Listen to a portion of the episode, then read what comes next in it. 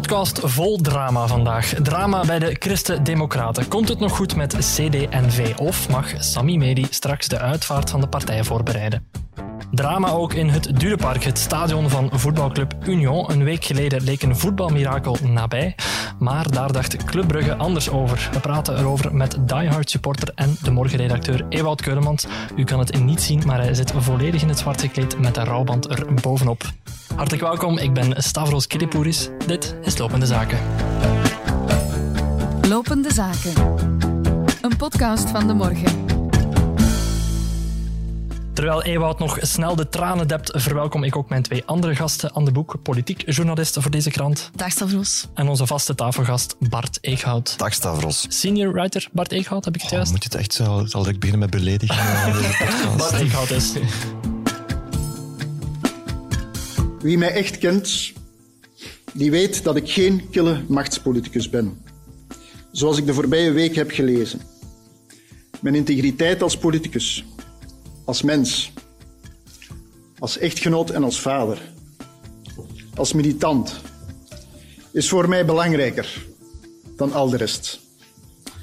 Belangrijker dan datgene wat in de media over mij de voorbije 2,5 jaar is geschreven.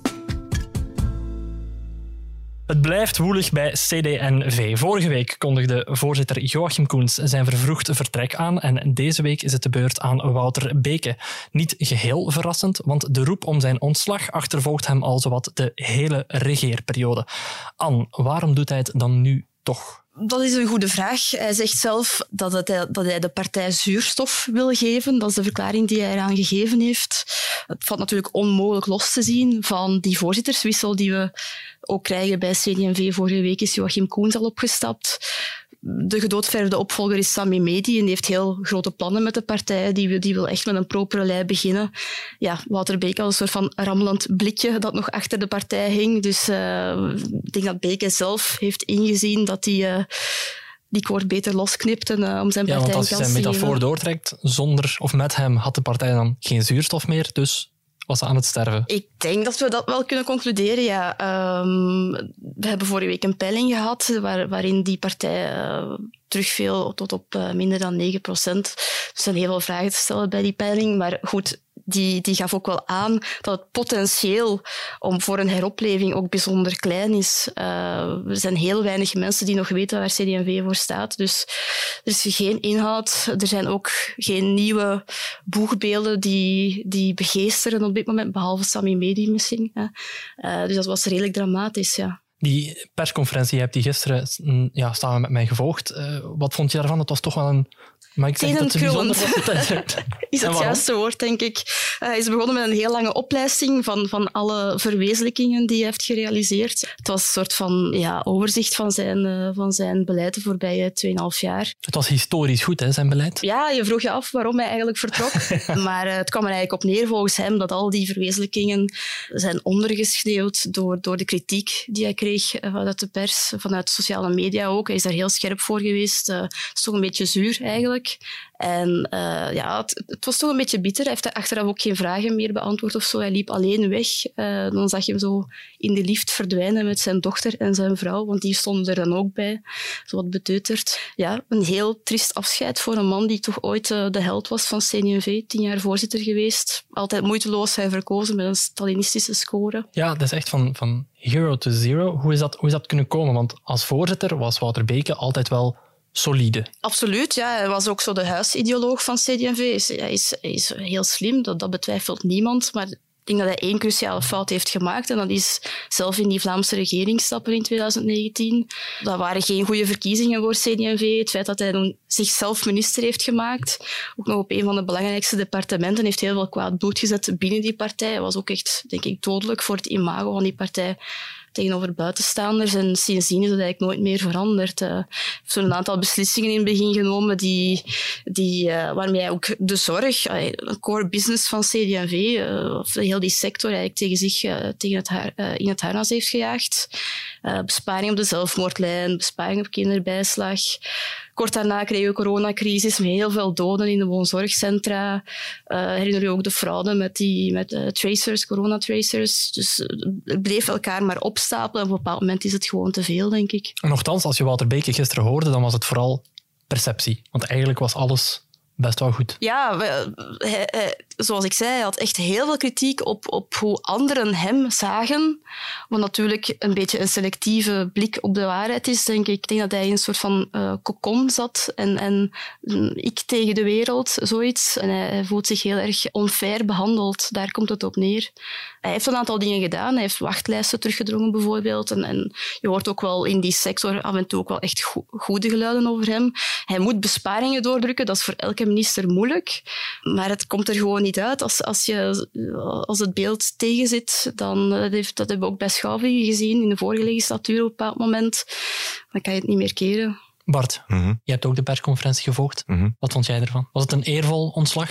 Een mooie manier om te vertrekken? Nee, ze hadden eh, hem beter eh, een beetje beschermd tegen zichzelf, denk ik. Ehm, goh, menselijk heb ik daar nog wel, eh, nog, nog wel begrip voor, hoor. Ik denk ook echt wel dat eh, toen Wouter Beke aan de job begon, dat hij niet had verwacht dat elke kastdeur die hij opentrok, dat daar een lijk zou uitvallen. Dat is toch een beetje wat er gebeurd is. eh, Is dat, zijn- niet, is dat niet gek? Want CD&V heeft altijd, of zo goed als altijd, het departement welzijn in handen gehad. Dan zou je toch weten dat je de lijken die je er zelf ingestopt hebt, dat je ze weet zitten. Wel, exact. Dus die, die, die, die historische verantwoordelijkheid, die draagt de partij natuurlijk wel. En het noodlot heeft eh, hem aangewezen als eh, de man die, die, die, dat, die, die problemen die er in, in, in het welzijnsbeleid zijn gecreëerd, dat die allemaal op zijn hoofd zijn eh, terechtgekomen. Dus dat hij zich daar een beetje onrechtvaardig behandeld voelt, ik, ik wil daar eigenlijk nog wel begrip voor opbrengen.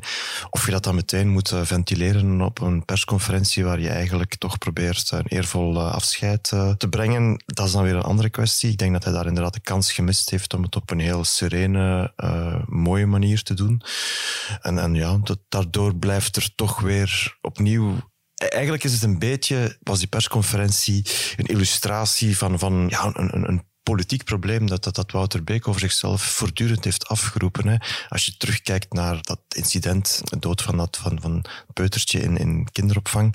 Ook toen al was het voor, voor Wouter Beek blijkbaar heel erg moeilijk om, om empathie over te brengen, om het, probleem te bekijken vanuit het standpunt van, van, van, van ongeruste ouders. Zijn eerste reactie, ook in het Vlaams parlement, was eigenlijk net als nu een soort oplijsting van alle goede zaken van zijn beleid. Allicht, ik, ik wil wel, eh, ik, ik mag hopen dat, dat, dat ministers eh, proberen eh, zaken in beweging te krijgen. Maar dat was eigenlijk het punt niet. Zoals het nu ook niet het punt was dat we een samenvatting wilden krijgen van, van, van, van, zijn beleid. En, en dat is eigenlijk iets wat hem echt wel in de problemen heeft gebracht. Hè? Want het idee van Wouter Beek een probleem had met empathie is gisteren niet vertolkt door journalisten. Hè? Het is ochtends op de radio gezegd door een partijgenote, een provinciegenote van hem, Lisbeth van der Rauwera, burgemeester, denk ik, in een buurgemeente van waar hij zelf woont. En, en Ja, zij zei Walter Beke is veel, maar empathisch hoort er niet Nee, bij. hij zit op het verkeerde departement. En als een partijgenoot zoiets gewoon vlak af zegt op de radio, ja, dan, om het in voetbaltermen te zeggen, dan weet je dat het moeilijk wordt. Ja. Op de partij werd gisteren gezegd, het is een zeer persoonlijke keuze van Wouter Beke. Geloven we dat? Want als het puur was om de partij zuurstof te geven, dan had hij wellicht al een paar weken eerder kunnen de plaat poetsen. De, de, de, ontslagkwestie is eigenlijk door het opstappen van Joachim Koens terug actueel geworden. Veel mensen binnen de partij zeiden toen, toen, toen Joachim Koens zijn, zijn exit bekend maakte, het is de verkeerde die weggaat. Dat is absoluut geen analyse die door journalisten, door boze journalisten is gemaakt, niet door politieke concurrenten. Nee, het was de teneur binnen zijn eigen partij. En eigenlijk klopte, enfin, het, het is misschien een beetje pijnlijk om te zeggen, maar dat klopte ook wel. Om toch nog even terug te kijken op die peiling, inderdaad met alle methodologische bezwaren die je daartegen kunt hebben. Maar die peiling is afgenomen op het moment dat heel de kwestie van het sloeberhuisje, met het dode kindje, zich afspeelde en Wouter Beke zich, ja, er zijn geen andere woorden voor, zich vastklampte aan zijn stoel. Je ziet dus eigenlijk in die peiling dat kiezers met horden tegelijk de partij aan het verlaten zijn. Dat is een soort afstraffing van de positie die Beek op dat moment ingenomen heeft. Dus vandaar dat, dat er heel veel, het opstappen van Joachim Koens, heel veel onverwerkte woede over de positie van, van Wouter Beke heeft vrijgemaakt binnen die partij. En ik denk, binnen die context heeft Wouter Beke inderdaad, denk ik, gedacht van goed, als het zo zit, dan moet ik misschien inderdaad mijn, mijn mandaat ter beschikking stellen. Ik denk dat hij misschien in zijn achterhoofd nog wel eventjes gedacht heeft dat ze hem zouden tegenhouden. Dat iemand zou zeggen, dat Sammy Mede zou zeggen, Wouter, dat moet niet. We, we gaan er samen tegenaan. Alleen is er op die aankondiging van Wouter Beke denk ik een pijnlijke stilte gevolgd. En heeft iedereen naar zijn schoenpunten gekeken. En heeft Denk je, dat, denk je dat Sammy Medi niet alleen naar zijn schoenpunten keek, maar misschien ook het laatste duwtje zou gegeven hebben? Want iedereen wist ook, met Sammy Medi aan het roer, want hij is een gedoodverfde kandidaat om Joachim Koens op te volgen. Iedereen wist, met Sammy Medi aan het roer zal Wouter Beke niet even makkelijk op zijn stoel blijven zitten als onder Joachim Koens. Nee, klopt. Ik denk dat, um, dat, dat Sami Medi of wie het ook hoort, want in principe zijn de verkiezingen nog open, dat elke nieuwe voorzitter van CD&V het dossier Beke bovenaan op zijn bureau zou vinden. En wat, wat, wat doe je met iemand uh, ja, waar, waar, waar ja, zoveel ongeluk van afstraalt en, en, en die eigenlijk uh, toch ja, of hij dat nu wil of niet, in de weg staat van, van elk aura van vernieuwing dat je aan die partij wil geven.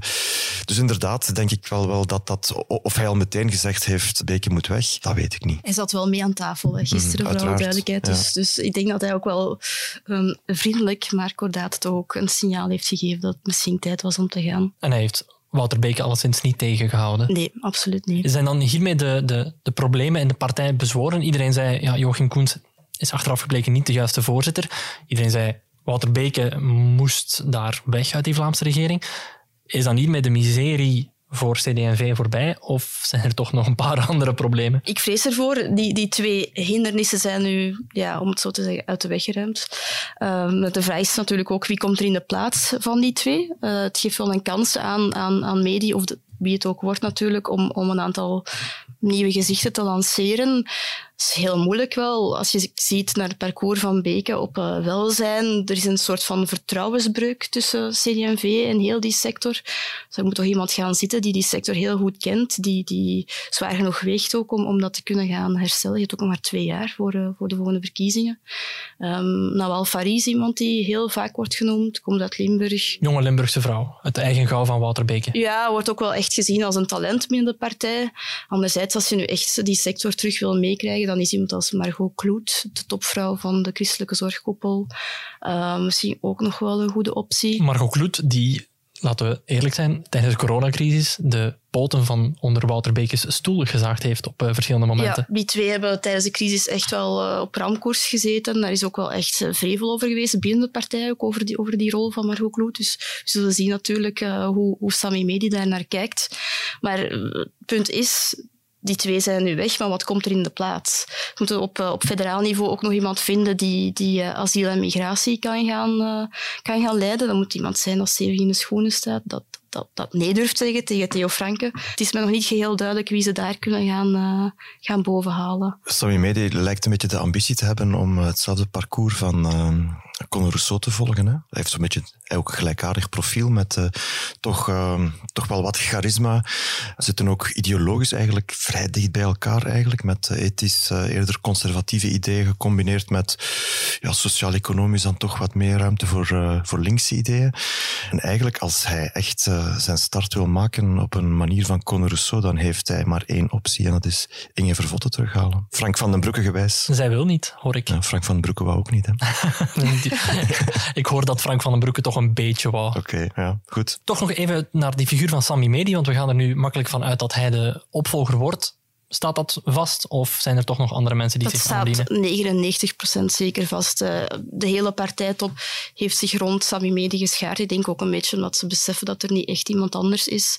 Walter de Donder was nog een kandidatuur aan het overwegen en die zal ook wel een stevige basis hebben in, in het landelijke Vlaanderen. Ja, je mag niet vergeten, in 2019 had Sami Medi ook al de helft van de partijleden achter zich. Er is altijd een heel stevige fanbasis van hem geweest in die partij. En Inge Vervotte steunde hem toen? Ja, zij heeft toen achter de schermen ook zijn campagne uh, mee geadviseerd eigenlijk. En ik denk dat de, zelfs de meest, zelfs de mensen die zich toen achter Koens hebben geschaard, hebben vandaag de klik gemaakt en beseffen dat iemand de boel moet opschudden. Er is gewoon iets anders nodig, want wat ze nu doen werkt niet. En, en Sami Medi is, is dat anders. En, en wat het wordt weet niemand, maar ze moeten de gok wagen. Wat moeten we dan verwachten van het tijdperk Medi? Gaat hij de boel snel opschudden? Of gaat hij vooral proberen om CD&V op een stabiele manier door die, twee federale, door die federale en Vlaamse regering te leiden? Hij gaat zeker een vast aantal dingen opschudden. Hij wil, hij wil het profiel van CD&V aanscherpen. Op dit moment is, is uh, het parcours van die partij in de regering een beetje bleekjes. Dus je ziet het al van ver aankomen wel, dat daar rond een aantal dossiers wel wat uh, oorlog zal gemaakt worden. Uh, zeker op Vlaams niveau zit, zit je nu met het dossier van de, de stikstofregeling, waar, waar CD&V heel erg moeilijk zit met haar eigen achterban, de boeren. Als ze die nu ook nog verliest, dan, uh, ja, dan mag ze bijna de boeken toedoen. Dus je voelt dat het er heel veel druk op Hilde Krevits zal komen, de minister van Landbouw, om toch nog iets meer uit de wacht te slepen. En, en um, wordt nog een pijnlijke discussie, want bevoegd minister Zohalde Meer van NVA die is absoluut niet zo happig om nog veel te gaan aanpassen. Het, het, akkoord is ook al gesmeed in de Vlaamse regering. Het akkoord is gesmeed, al is dat niet hoe ze dat bij CD&V zien. Uh, dus, dus het principe ligt vast, uh, de visie ligt vast, maar de concrete invulling, welke bedrijven, landbouwbedrijven moeten nu gaan sluiten omdat ze te veel stikstof uitstoten, wel, daarover valt nog te praten volgens CD&V. Hilde Kravitz hinkt ook zo wat op twee benen. Hè. Ze heeft enerzijds dat akkoord mee goedgekeurd, maar ze zegt ook van ja, iedereen dat het niet eens is met deze regeling, dien alsjeblieft een bezwaar in bij dat openbaar onderzoek. Ongelooflijk eigenlijk. Hè? Ja, dat is... Uh, dus een minister die een akkoord sluit in de regering roept eigenlijk de eigen achterban uh, in de steden en gemeenten op om verzet aan te tekenen tegen dat akkoord. Ik vind dat echt uh, heel vergaand eigenlijk. Niet heel collegiaal. Goh, ja, en ook... Nee, ook, ook met potentieel destructief natuurlijk wel, want hoe dan ook ja, hangen toch nog wel, staat jouw handtekening wel onder dat akkoord. Maar bon, ik ben het wel eens met de, met, met, met, analyse van Anne. Hoor. Ik denk dat uh, CD&V op zoek naar eerherstel eigenlijk niet anders kan dan dat uh, stikstofakkoord terug op tafel gooien en zeggen van dat gaat niet passeren met ons. Sami Medi heeft nu, als het Sami Medi wordt uiteraard, heeft ongeveer 24 maanden tot de volgende verkiezingen. Is dat genoeg tijd om iets in beweging te zetten? Of uh, is dat toch wel te kort? Het hangt er natuurlijk vanaf waar je waar je, lat legt. Ik denk om, om de bloeding te stelpen die nu echt wel aan de hand is of was, daar, daar, daartoe zie ik hem wel in staat. Ik moet zeggen dat ik het eigenlijk... Uh, meer, meer dan voor, dat, dat klinkt hard voor Wouter Beek, maar eigenlijk meer dan voor Wouter Beek vind ik het eigenlijk wel een beetje jammer voor, voor Joachim Koens. Um, op menselijk vlak dan bedoel ik. Het plaatje waarin hij wordt geframed, doet wel, het moet wel heel erg pijnlijk zijn om voortdurend voor je te lezen dat, dat je een soort nietsnut bent, uh, die alles verkeerd doet. Ik denk dat het uh, menselijk heel, heel lastig is en, en, en ook niet helemaal correct is. Ik denk dat hij bijvoorbeeld de casting in de federale regering best wel oké okay gedaan heeft. Hè. Beter dan de casting in de Vlaamse regering alleszins. Die door Walter Beek was gedaan. Niet door hem, die, die van voor zijn tijd dateert, absoluut. Uh, maar dus om de bloeding uh, te stelpen die, die op dit moment aan de gang is bij CD&V, denk ik dat, dat, dat Sami Medi wellicht geschikt zal zijn wat te doen. Uh, de vraag is dan, is dat voldoende? Is het voldoende dat, dat, dat CD&V wel boven die ja, ondergrens van, van 10% blijft? Moet zij proberen uh, toch weer een status quo in, uit de brand te slepen ten aanzien van, van of, wil je meer? En als je meer wil, ja, dan wordt het heel erg lastig. Uh, en dan kom je echt met een soort historisch probleem van de partij, namelijk dat zij haar, haar logische historische positie als een soort centrumrechtse conservatieve partij, waarvoor in Vlaanderen bij uitstek plaats is, die positie is ze kwijt. Die positie is ingenomen door NVA. En ook, je kan zeggen, ja, NVA is ook niet echt in topvorm. Ze hebben ook hoger gescoord dan ze nu scoren. Maar ze zijn nog altijd wel dubbel zo groot als CD&V. Ja, volgens dus, de laatste peiling wel zelfs meer dan dubbel zo groot. Ja, goed, maar goed. Uh, laten we ervan uitgaan dat het toch ergens aan de ene kant uh, om en bij de 10% en aan de andere kant om en bij de 20%. Laat het allebei een paar procenten meer zijn in het beste geval. Dan is er toch een soort verschil van 1 ten opzichte van 2. En, en dat is een probleem uh, dat Sami Medi zeker niet op, op, op korte termijn gekeerd krijgt.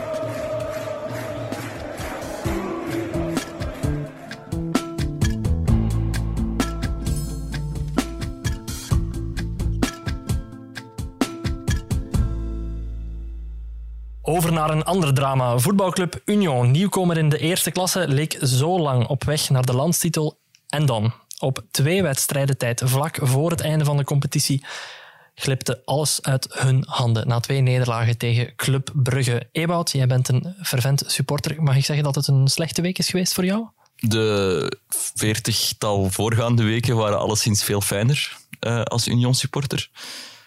Maar ja, de ontgoocheling na de wedstrijd, aan het einde van de wedstrijd, was immens. Maar we zijn nu twee dagen verder en ja, als je terugkijkt moet je toch gewoon beseffen, je komt uit tweede klasse, je speelt tot het einde mee voor de titel. Dat is een seizoen om ongelooflijk trots op te zijn en om ongelooflijk van te genieten. Ik ga je misschien toch voor de minder sportminnende luisteraar even vragen om twee stappen terug te zetten. Wie of wat is Union, Union Godbetert, en waarom moeten mensen daarom geven? Union is de, mensen zullen dat misschien niet weten, maar de derde meest succesvolle club uit de Belgische geschiedenis met elf landstitels. Alleen dateert de laatste van 1935. dus uh, ik was er toen zelf niet bij, om, om evidente net, redenen. Net niet. Ik was er ook niet bij. Ze zijn in 72 of in 73, denk ik, uh, ik weet het nu niet van buiten, maar gedegradeerd uit de eerste klasse. En sindsdien alle lagere regionen doorzwommen, vierde klasse, derde klasse. En vorig jaar zijn ze gepromoveerd, dus kwam de, de, slaap, de slapende reuzin van het Brusselse voetbal uh, weer terug wakker. En het was ja, ongelooflijk om te zien dat ze wel meteen terug naar die top stegen. De vraag is nu natuurlijk hoe het volgend seizoen zal verlopen. Dat zal een stuk moeilijker zijn waarschijnlijk. Er was bij die supporters goede hoop dat Union wel een paar goede resultaten zou kunnen neerzetten. Maar, maar toen kwam er een mirakelseizoen. Het was, het was ongelooflijk. Ik weet, de, de eerste speeldag was uit op Anderlecht. Weet ik ook nog, ja. ik wou net zeggen, misschien vindt Bart het niet zo leuk dat ik daar hier nog eens boven haal. Maar Union won daar met 1-3. En ik zei nadien tegen mijn vriendin, als ze nu niet degraderen, is het seizoen oké voor mij. Ze hebben gewonnen op Anderlecht. Als ze nu gewoon in eerste blijven, prima seizoen. Als je dan had gezegd, Union gaat de competitie in de top drie eindigen, dan was ik in de zevende hemel geweest. Maar het, is, het komt doordat ze denk van, van eind oktober tot nu op kop hebben gestaan. Op een bepaald moment met 12 punten voorsprong, denk ik, op Club Brugge ja, dat het toch als een, als een, als een ontgoocheling voelt dat, dat ze het niet gaan halen. Maar zoals ik al zei, als je er een beetje met een beetje afstand naar terugkijkt, ja, het, is, ik denk dat er dit seizoen niks zo mooi was als Union supporter zijn. Ik geloof dat zelfs buitenlandse journalisten naar, naar Brussel kwamen voor het verhaal van Union te vertellen. Hè? Ja, de, in Marca onder andere, de Spaanse voetbalkrant, uh, is een heel groot stuk verschenen over Union. In de Independent ook. Volkskrant. De Volkskrant. NRC ook, denk ik. Uh, je zag veel Japanners op een bepaald moment in het stadion, omdat Japanse voetballer Kaoru Mitoma het heel goed deed bij Union. En dan blijkt er toch een, toch een soort Japans chauvinisme te bestaan, dat journalisten overhaalt om van Japan naar het Dudenpark in Vorst te trekken. Het is ook een volstrekt uniek verhaal in de recente Europese voetbalgeschiedenis. Hè. Ja, Kaiserslautern. ja, maar goed, Kaiserslautern we gaan er echt een gespecialiseerde voetbalpodcast van maken. Maar die waren, uh, die waren één jaartje gezakt uit de Bundesliga, zijn dan teruggestegen en zijn dan kampioen geworden. Dat is nog iets anders dan als je 50 jaar weg bent uit de eerste klasse. Dus eigenlijk is het wel een, uh, het is echt een uniek verhaal. En ik zal me meteen bekennen, dat ik, het, ik had het hen ik had het Union ook echt wel gegund. Eigenlijk. Ja, toch? Want ja. dit moet de luisteraar natuurlijk... weten. Bart, jij bent groot supporter van die andere ja, dat weet ons de hele wereld wel, denk ik. Ja. van Anderlecht, ja. Hoe, deed, deed dat pijn om het hele jaar lang te zien dat het kleine Union uh, voor het grote Anderlecht uh, stond? Goh, ja, dat, dat, dat deed dat deed natuurlijk pijn. Hè. Enfin, die die, die, die 1-3 die deed verschrikkelijk veel pijn, omdat je die niet verwacht. Uh, de kalendermakers hadden dat niet verwacht, want het is zo typisch dat de grote ploegen eigenlijk mogen het seizoen inlopen tegen uh, ploegen die ofwel uh, heel erg laag gequoteerd staan of uit de tweede klasse komen. Uh, wij hadden het als supporters ook niet verwacht. We dachten dat we een, een makkelijke start van het seizoen zouden beleven. Ja, dat was helemaal niet waar. We zijn toen werkelijk van het veld geveegd in die wedstrijd. En eigenlijk heb ik Union wel, wel, wel, wel gegund om, om één specifieke reden. Dat is namelijk, als Union kampioen zou worden, dan zou Club Brugge geen kampioen worden. En er is toch voor het althans voor het Vlaamse deel van de Anderlecht supporters, niks ergers in de wereld dan uh, het kampioenschap in handen van Club Brugge alweer te moeten zien glijden. Ja, want daar gaat het nu wel naartoe gaan. Dat, daar moeten we eerlijk in zijn, ja. Ik, ik kom toch nog even terug op jouw stuk van vorige week in de krant, mm -hmm. want daar noemde jij Ewout een hipster Union supporter. Ja. Wat is de relatie tussen hipsters wel, en Union? Wel, wat, wat er wel is, onder Anderlecht supporters, en wat dat betreft ben ik daar nogal exemplarisch van, is een beetje, ja, we het maar afgunst noemen. Hè. We zijn uh, jaloezie op uh, een bepaald type supporter. De supporters die inderdaad de degradatie in 73 hebben meegemaakt, die gunden wij dit seizoen van harte. Maar het zijn andere supporters. Ewout. Ewout. Maar Ewout, Ewout, Ewout is nog een beetje een tussengeval, want hij, hij, hij, hij, is er al een paar jaar bij. Maar er zijn supporters die nu eigenlijk op het succes komen meesurfen. En doen alsof zij het echte Brussel verpersoonlijken. En ja, dat, dat zijn zo wat, wat, wat, wat hipstertypes, hè, die, die, uh, waar een supporter van, van Union zijn deel uitmaakt van, van hun hipster-identiteit. Net zoals uh, gaan winkelen in de Dansaarstraat, uh, alleen koffie drinken met, met havermelk, dat soort dingen. En ja, daar, daar, daar zijn wij daar wij een beetje geïrriteerd door. Wij gunnen hipsters uh, absoluut hun, hun steps en hun, uh, hun juiste muziekkeuze. Maar dat ze ook nog eens voor de juiste voetbalclub blijken te supporten, dat is er toch net te veel aan. Jawel, drink jij koffie met havermelk? Ik drink mijn koffie zonder melk. Maar ben je een hipster? Uh, begrijp je wel wat Bart ik zegt? Ik begrijp wat Bart zegt. Het is natuurlijk ook zo dat de Sint-Gillis en in iets minder mate Vorst zijn Brusselse gemeenten die de laatste zeven, acht jaar ontzettend. Ja, daar vindt een ontzettende gentrificatie plaats. Dus heel veel jonge, hippe, vaak ook Nederlandstalige Brusselaars zitten in, die, in dat zuidelijk deel van de stad. En die vinden dan ja, de weg naar het stadion. Ik heb zelf vier jaar in Sint-Gillis gewoond.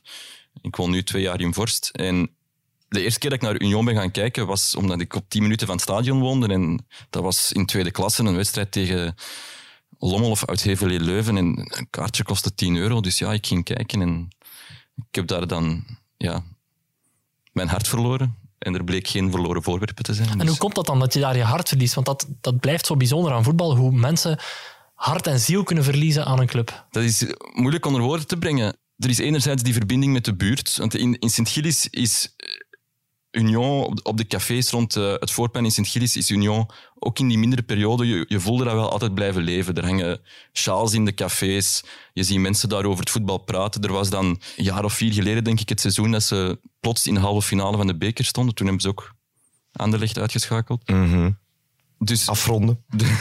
dus ja, het maakt deel uit van de wijk. Er is, de charme van dat stadion is ongelooflijk. Dat ligt, dat is een, dat stadion is meer dan 100 jaar oud. Uh, compleet verouderd, maar dat maakt het ook heel charmant. Ligt in, ligt in het Dudenpark, een ongelooflijk zicht. En de club voelt redelijk anachronistisch. Het is, een, kleine club in een voetbalwereld die steeds groter en moderner en onpersoonlijker wordt. En bij, bij Union heb, heb je dat helemaal niet. Het lijkt alsof je zo terug in, uh, in het vooroorlogse voetbal, ook al heb ik daar om evidente redenen geen herinneringen aan, maar dat is wat je daarmee associeert. Het, dus toen, ik de, toen ik de eerste wedstrijd ging kijken, dan ja, na de match, dan stonden die spelers, Adrien Saucé was toen keeper, die kwam na de wedstrijd gewoon op de Brusselse Steenweg een pintje drinken met de supporters. Dat, dat kun je je bijna niet meer voorstellen. En dat is nu natuurlijk ook al wat minder, want ja, het, het gaat goed. Er zit een uh, grote Engelse geldschieter achter, dus we hoeven dat ook niet te negeren of we hoeven dat ook niet te overromantiseren, maar die sfeer daar is echt ongelooflijk. Er, het was heel jammer toen uh, de laatste wedstrijd van de reguliere competitie zijn er rellen uitgebroken met Beerschot-supporters in, uh, in het stadion. En dat, was, dat voelde... Rellen zijn altijd verkeerd, maar daar voelde dat zo niet op zijn plaats. Ook omdat die Union-supporters, die, die blijven altijd zingen. Dante van Zijr mist de penalty. Zijn, zijn naam wordt gescandeerd door heel dat stadion. Dus het, het is echt voetbal als, als buurtfeest bijna. Die, dat gevoel heb je heel hard uh, bij Union. Daar ben je ook jaloers op, Bart. Voetbal een ja, feest. En, en, en, dan heb ik de neiging om in dat uh, mooie plaatje dat Ewout hier zo idyllisch geschetst heeft, om daar toch een lelijke kras in te maken. en dat is? Wel, dat, dat heb ik proberen doen in dat stuk van, van, van, van vorig. Met, met heel veel uh, zelfhumor en zelfironie. En zelfkritiek ook. Um, maar wat ik, wat ik eigenlijk met dat stuk ook wou ver, proberen te vertellen is wat Ewout vertelt, vertelt klopt allemaal. Hè. Het is een heel mooi, uh, romantisch uh, idee van, uh, van voetbal. Maar ook als supporter van Anderlecht, je zou dat niet altijd zeggen. Maar om het met Wouter Beke te zeggen, wij zijn ook mensen. wij, voelen ook die liefde voor die club. Wij, wij, kunnen ook helemaal kapot zitten als we drie keer in één seizoen verliezen van Union. Wij kunnen er ook enorm triestig van zijn. je hoort dat mijn stem vandaag een paar octaven lager zit dan gebruikelijk. Dat komt omdat ik gisteravond nog de ziel uit mijn lijf geroepen heb uh, voor de wedstrijd tegen Antwerpen, die we uiteraard gewonnen hebben.